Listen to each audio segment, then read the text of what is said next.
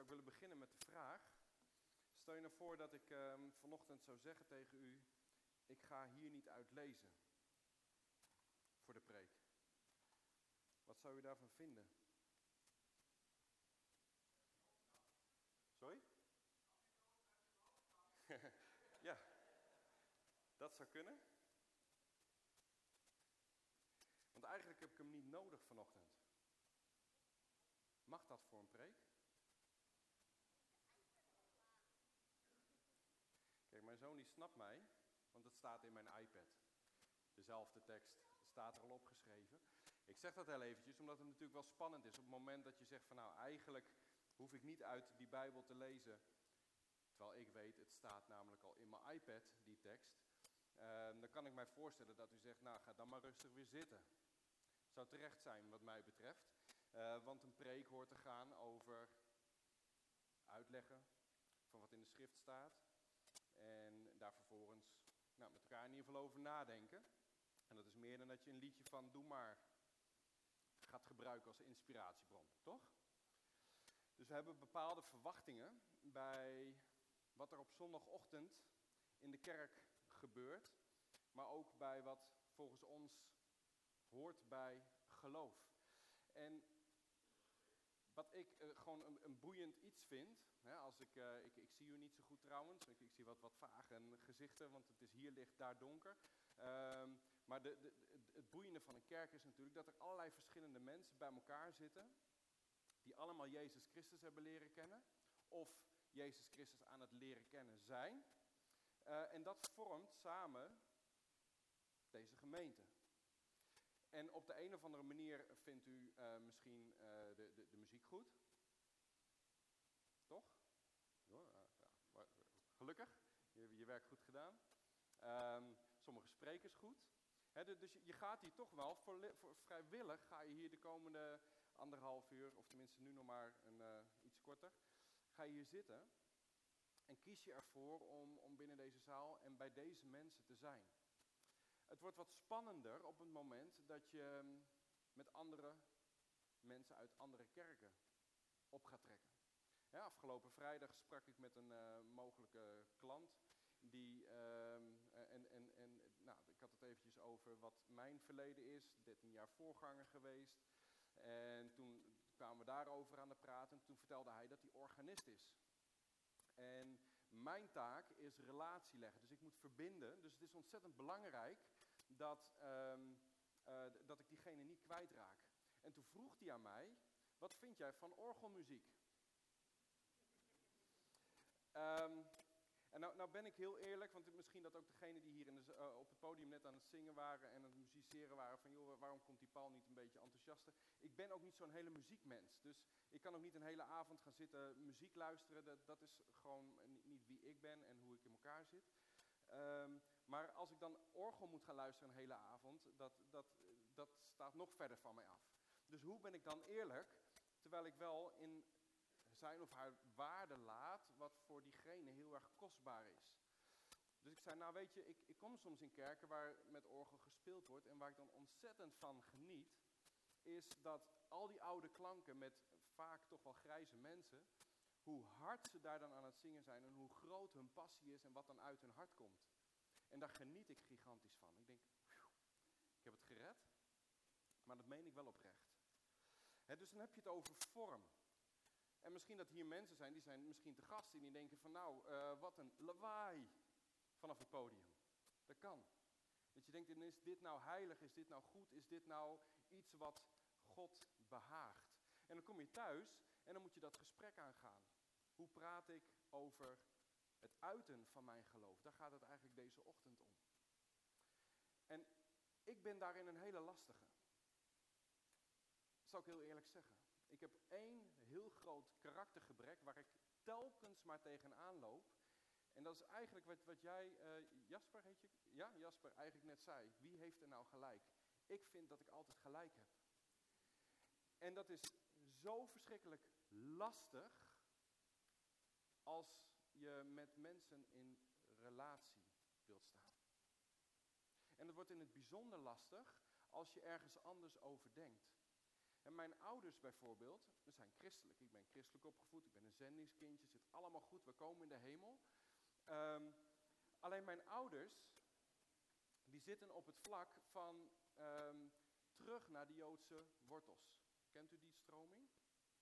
Dus die vieren op vrijdagavond Shabbat, op zaterdag hebben ze rust, hebben ze hun samenkomst. Zij noemen het, wij hebben gemeenschap. Ik denk dat is mooi. Um, en wij doen het op zondagmiddag. Zoeken, ja. Zo was dat, zo was dat. Um, nou, dat had ik niet voorbereid. Punt is, ik zit al jaren, als het gaat om, om kerk en theologie, en, want dat is natuurlijk een leuke hobby om over te hebben als je zelf theologie gestudeerd hebt en dominee bent geweest. Oh, ik heb eigenlijk constant ruzie met mijn moeder, als ik heel eerlijk ben, op dit vlak. En dat is zo verdrietig. En ik weet, als het gaat om mijn deel daarin, zit het hem erin dat ik altijd gelijk wil hebben. Lastig, lastig. Want ik kan me voorstellen, als je kiest om mensen uit te nodigen, en in het bijzonder bij speciale diensten, dat dat soort vragen ook wel naar voren komen. Dat is ook de concrete aanleiding om hier vanochtend met u over te spreken. En hoe spreken we dan over je geloof? Hoe praat ik over mijn geloof? Nou, ik denk, en dat is mijn conclusie, dan heeft u die alvast te pakken. Wie goed doet, God ontmoet. Dat is eigenlijk de conclusie. Wie goed doet, God ontmoet. Ik zal het bewijzen, want ik heb gelijk. Um, we gaan naar 1 Petrus hoofdstuk 3. Ik heb mijn Bijbel bij me, ook omdat ik het belangrijk vind om te laten zien dat het ding nog steeds van papier is en dat het handig is om hem wel eens mee te nemen naar een kerk. Oké, dus we gaan lezen 1 Petrus 3 vanaf vers 10, maar hij verschijnt voor de hardnekkigen op de beamer. Allemaal flauw, vergeef het me alsjeblieft. Um, ehm, 1 Petrus 3 vanaf vers 10. En dan lezen we het volgende. Want wie het leven wil liefhebben en goede dagen zien, die moet zijn tong weerhouden van het kwaad, Paul, en zijn lippen van het spreken van bedrog. Die moet zich afkeren van het kwaad en het goede doen. Die moet vrede zoeken en die najagen. Want de ogen van de Heere rusten op de rechtvaardigen en zijn oren zijn gerecht, gericht op hun gebed. Maar het aangezicht van de Heere is tegen hen die kwaad doen. En wie is het die u kwaad zal doen? als u navolgers bent van het goede, dan pauzeren we hier even. Er bestaat de gedachte dat op het moment dat je christen bent, dat er dan niks naars meer gebeurt. Nou, als je een paar jaar christen bent, dan weet je dat het wel anders is. Maar eigenlijk is dit een vraag die, die mij wat, wat, wat, wat tenenkrommend gevoel geeft. als je zegt, en wie is het die u kwaad zal doen als u navolgers bent van het goede? Staat hij er of niet? Oh. Um, dan, dan zou je eigenlijk willen dat, dat het antwoord daarop is niemand. Want op het moment dat je Jezus volgt, al je problemen zijn voorbij. Uh, maar dat gebeurt niet. En dan gaan we verder lezen. Maar als u ook zou moeten lijden vanwege de gerechtigheid, dan bent u zalig. En wees niet bevreesd zoals zij bevreesd zijn. Laat u niet in verwarring brengen, maar heilig God de Heere in uw hart. En wees altijd bereid tot verantwoording aan ieder die u rekenschap vraagt van de hoop die in u is, met zachtmoedigheid en met eerbied. Wie goed doet, God ontmoet. Zullen we een momentje bidden met elkaar? Vader, dank u wel dat u levend en krachtig bent. Heren, dat uw woord ook levend en krachtig is. Dat u ernaar verlangt, heren, om woorden die op papier of in onze telefoon of op de beamer staan, heren, te spreken door uw Heilige Geest. En ik wil me daarvoor openstellen en ik wil u bidden, heren, dat ieders hart daarvoor open zal staan zodat u uw werk kunt doen, want dat kunt u het beste. In Jezus' naam, amen. Wie goed doet, God ontmoet. Um, het is vloeken in de kerk, vind ik zelf. Mijn kinderen mogen die naam ook niet noemen. Maar je hebt zo'n liedje hand in hand, kameraden. Um, en, en dan, dan uh, gaat het over geen woorden, maar... Juist. Um, en dan houden we het daar verder bij. Maar daar is eigenlijk waar het over gaat in de Petrusbrief. Geen woorden, maar daden. En het is bijzonder, want als je de Petrusbrief, en dan zit je in de eerste eeuw na Christus, dan zit je in de periode dat ehm, kerk aan het groeien was, dat de kerk, het evangelie verbreidde zich, ook tot aan Europa aan toe. Maar er was grote vervolging. En op het moment dus dat je deze woorden leest, en eh, ik heb het alleen maar even over, ik wil altijd gelijk hebben ten opzichte van, nou eigenlijk ieder ander mens. Ehm, dan zou ik allang, allang voor de leeuwen hebben gelegen, waarschijnlijk. Want dat is wel de context waarin deze woorden gesproken worden. Op het moment dat Petrus oproept, geen woorden maar daden, of wie goed doet, God ontmoet, dan heeft dat hele grote gevolgen. Want de gemeente waar Petrus aan schrijft, werd gruwelijk vervolgd. Die gingen er letterlijk aan. En de gemeente van Jezus Christus in die tijd en de woorden die Petrus daar uitspreekt, die werden ook niet goed begrepen door hun tijdgenoten. Op het moment dat ze richting de leeuwen werden gebracht in de arena's bijvoorbeeld, staan er getuigenissen opgeschreven dat ze zingend hun dood tegemoet gingen. Dat ze het uitspraken, Vader vergeef het hen, want ze weten niet wat ze doen. Dat ze als makke lammen Jezus Christus eigenlijk achterna zijn gegaan, zoals Jezus gestorven is aan het kruis. Zo zijn ook velen na hem gestorven aan het kruis vanwege die naam van Jezus. Dus op het moment dat ik dit zeg, wie goed doet, God ontmoet, moet wel begrijpen wat de waarde en de, de, diepte eigenlijk is van de woorden die hierin staan. En toch gelden ze ook voor ons vandaag.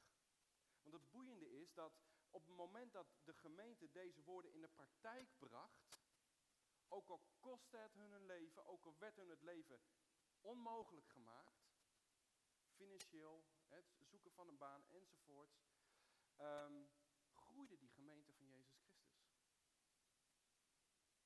De kerk is explosief gegroeid. En ik denk dat dat nog steeds zo geldt. De vervolgde kerk, kijk even naar Jacob, Jan en Karen die dat meemaken. Een vervolgde kerk groeit. Heeft enorm veel impact. En dat zijn dus eventjes de, dat is de achtergrond uh, van, van, van, van de woorden die Petrus hier uitspreekt. En waarom groeit de kerk? Wie goed doet, God ontmoet. En Petrus die beschrijft een aantal van, van de, de, de, de, de plaatsen waarin je dat eigenlijk in de praktijk zou moeten brengen. En de eerste waar hij mee begint is naar de overheid toe. Dezelfde overheid die jou naar richting de leeuwen stuurt, of aan het kruis wil slaan, of als levende fakkels door de stad laat rondlopen, die dien je te gehoorzamen, is wat Petrus zegt.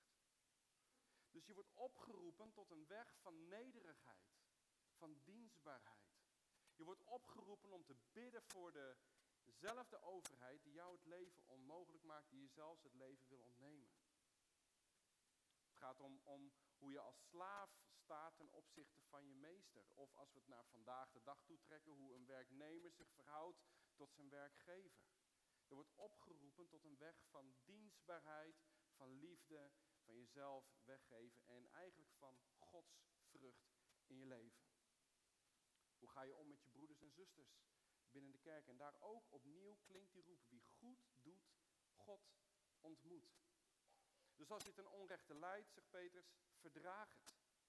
Als je in een relatie staat waarin bijvoorbeeld de vrouw gelovig is en de man is niet gelovig, ga dan niet scheiden, maar zorg ervoor, vrouw, dat je hem extra dienstbaar bent. En daarmee laat zien, vanuit de godsvrucht in jouw leven, dat God een hemelse vader is die het volgen waard is. Een weg van dienstbaarheid. Een mannen richting je vrouw.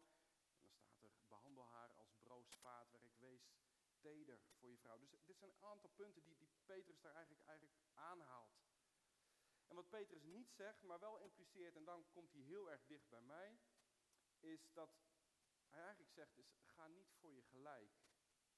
Ga niet voor je gelijk. Maar ga voor relatie.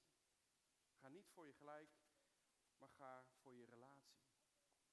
En dat doet mij reflecteren. Ik kreeg dit onderwerp, tenminste in overleg, in goed overleg. Hè, hebben we het er even over gehad, van, van nou, welke wil jij oppakken? Um, maar het, het, het, maakt altijd, tenminste als ik een preek moet voorbereiden, het moet allemaal door me heen gaan. Het moet wel waar zijn, anders kan ik gewoon iets anders wel doen. Dus ik moest ook op mezelf reflecteren. Daarom kwam ik er weer achter van wat, wat zit er nou zo diep in mijn eigen karakter. Want wat gebeurt er op het moment dat we tegengas krijgen? Of dat nou extreem lijden is of een moeder die een andere visie op Israël heeft. Wat gebeurt er nu iedere keer als wij tegengas krijgen? Ook op het moment dat je in de kerk zit en je ziet dingen gebeuren. En je denkt, wat is die man toch enthousiast en wat loopt hij te springen? Kan hij nu normaal doen tijdens een zangdienst? Dat kan zomaar dat je dat denkt. Vind ik niet hoor. Maar stel je voor dat je dat denkt. Hoe ga je er nou mee om? Wat gebeurt er op het moment dat je alleen al innerlijk een stukje tegengas voelt? En de vraag is ook, die riep het bij me op ook, is van hoe willen wij een aantrekkelijke kerk zijn? Leuke vraag. Nou, wat doen we dus als we tegengas gaan geven? En het leuke is, Petrus geeft er eigenlijk het antwoord al op. Gaan we mee in emotie? Die vraag die stelt hij zich. Hij zegt dan, maar als u zou moeten lijden vanwege de gerechtigheid, dan bent u zalig. En dat was in Matthäus 5 uit mijn hoofd. En wees niet bevreesd zoals zij bevreesd zijn. En dat is boeiend. Wees niet bevreesd zoals zij bevreesd zijn. Dus ze worden aangesproken op hun geloof. Ze worden vervolgd vanwege hun geloof. Je lijdt vanwege je geloof. Of als we het naar vandaag de dag toetrekken en het veilig houden. Wij worden bevraagd op onze geloofsbeleving. Of op de inhoud van ons geloof. Dan zie je al heel vaak dat je geneigd bent om mee te gaan in de emotie van de ander. En Petrus zegt, wees niet bevreesd zoals zij bevreesd zijn. Nou, ik heb echt ontelbaar veel conflicten meegemaakt. Echt heel veel. Dat zegt iets over mij, zegt iets over de kerk, zegt iets over, nou, misschien wel hoe we leven met elkaar. Maar waar ik achter ben gekomen, op het moment dat ik meega in emotie, ik heb echt wel eens mensen aan de lijn gehad als voorganger, dan hield ik maar die lijn zo. Ben ik gewoon helemaal verrot gescholden. Dus als ik daarin meega en ik ga teruglopen schelden, dan escaleert het enorm. Dus meestal zeg ik, joh, als het stil is aan de andere kant, zullen we afspreken. Nou, en dan hebben we een gesprek. En wat doen we dan?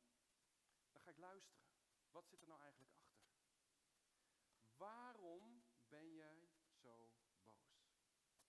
Boosheid, en, en heel veel van die emoties, het, het is vaak je bent ergens bang voor. Bang om iets wat veilig is te verliezen. Ik kan me voorstellen, als het gaat om het orgel bijvoorbeeld, dat, dat er zoveel diepte en warmte zit in die klanken en het je uiten naar God toe, dat je bang bent om iets in te ruilen voor iets anders. Ik kan me dat heel goed voorstellen. Moet je dan ook niet doen, wat mij betreft.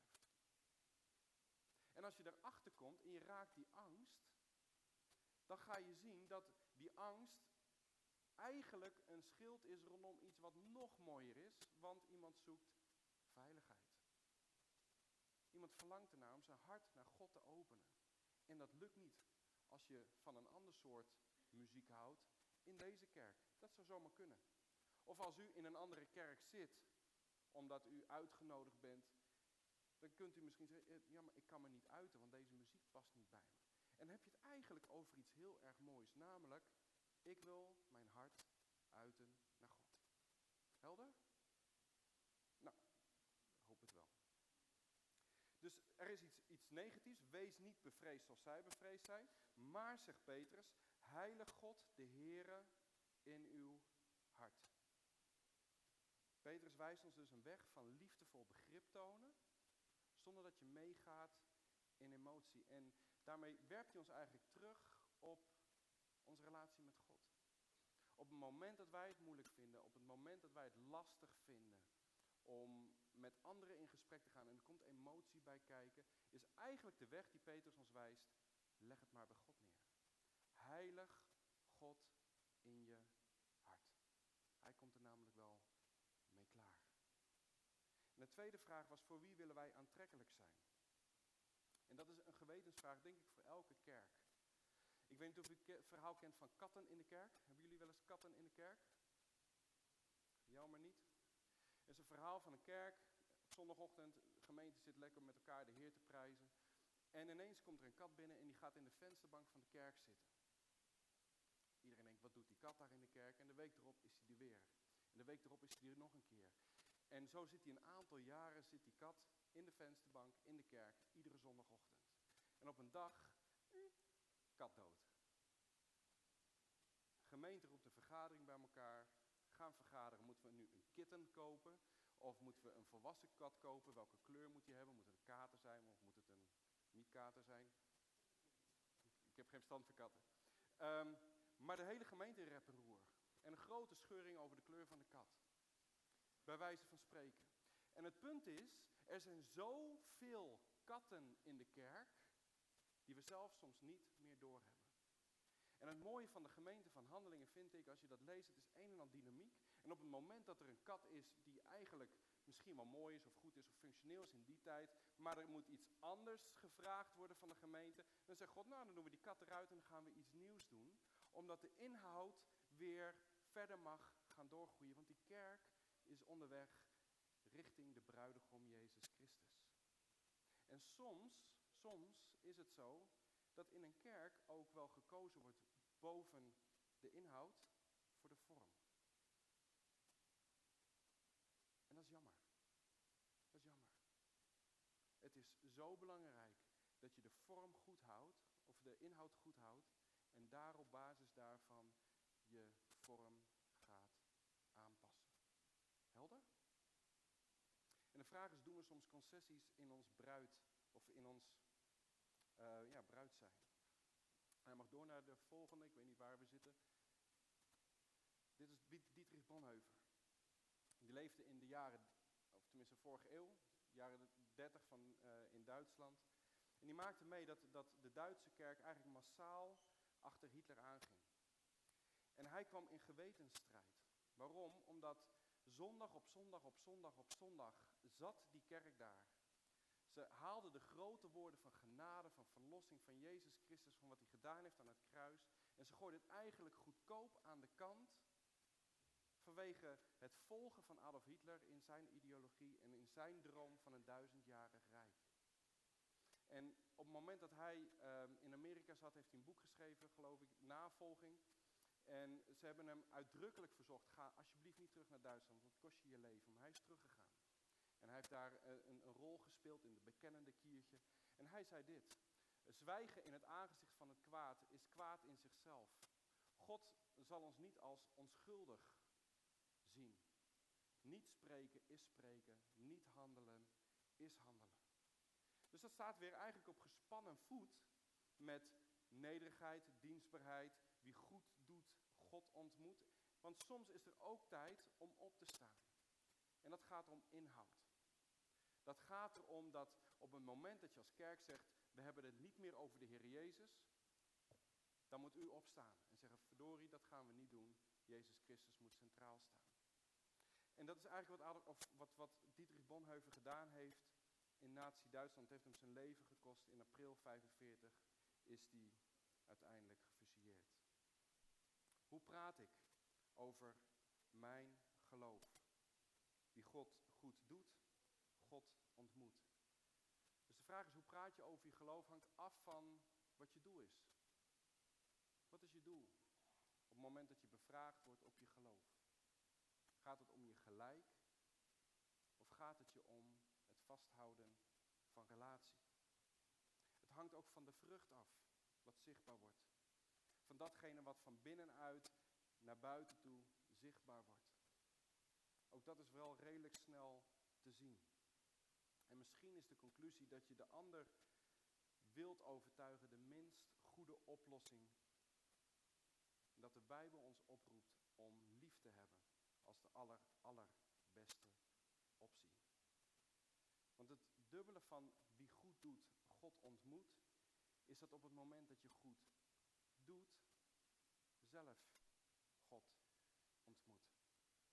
Want op het moment dat je bezig bent om niet jezelf naar voren te zetten ten koste van de ander, dan wandel je opeens in de gezindheid van Jezus. En dan gaat er iets heel bijzonders eigenlijk plaatsvinden. Je treedt zelf in relatie met God en je wordt één met Hem. Je wordt één met Jezus lijden. Hoewel je we nooit zullen sterven voor de zonde van de mensheid. Maar we delen iets in zijn lijden. Op het moment dat wij bidden om redding, dan wordt Jezus gebed om redding en de vraag, mag deze beker aan mij voorbij gaan, wordt ook jouw gebed. En op het moment dat je merkt, we komen er niet uit en onze gelijken staan zo tegenover elkaar en die relatie is zo gespannen en je zegt, maar ik geef het over aan u, Heere God, dan wordt Jezus overgave, wordt ook jouw overgave. En Jezus hoop wordt ook dan jouw hoop, omdat je weet wat voor je ligt, namelijk de hoop die in u is. Wie goed doet, God ontmoet. Voor mij een moment van reflectie om na te denken over mezelf in al die discussies die ik constant maar kan voeren met zoveel verschillende mensen. Het gaat er eerder om wat je laat zien in je leven aan Gods vrucht dan de vraag, heb ik wel of heb ik niet gelijk? Zullen we bidden? Ik was jou vergeten te knikken. Zou je met mij willen bidden? En zou je misschien een moment willen gaan staan als dat kan?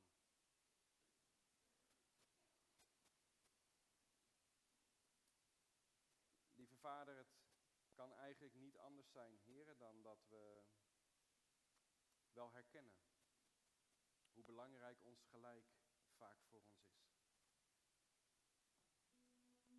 Heren, dat we aan de ene kant zo ontzettend enthousiast zijn over wie u bent en wat u voor ons betekent. En we soms de woorden of de manieren missen om dat over te brengen. Heren, als we mensen enthousiast willen vertellen over wat we op een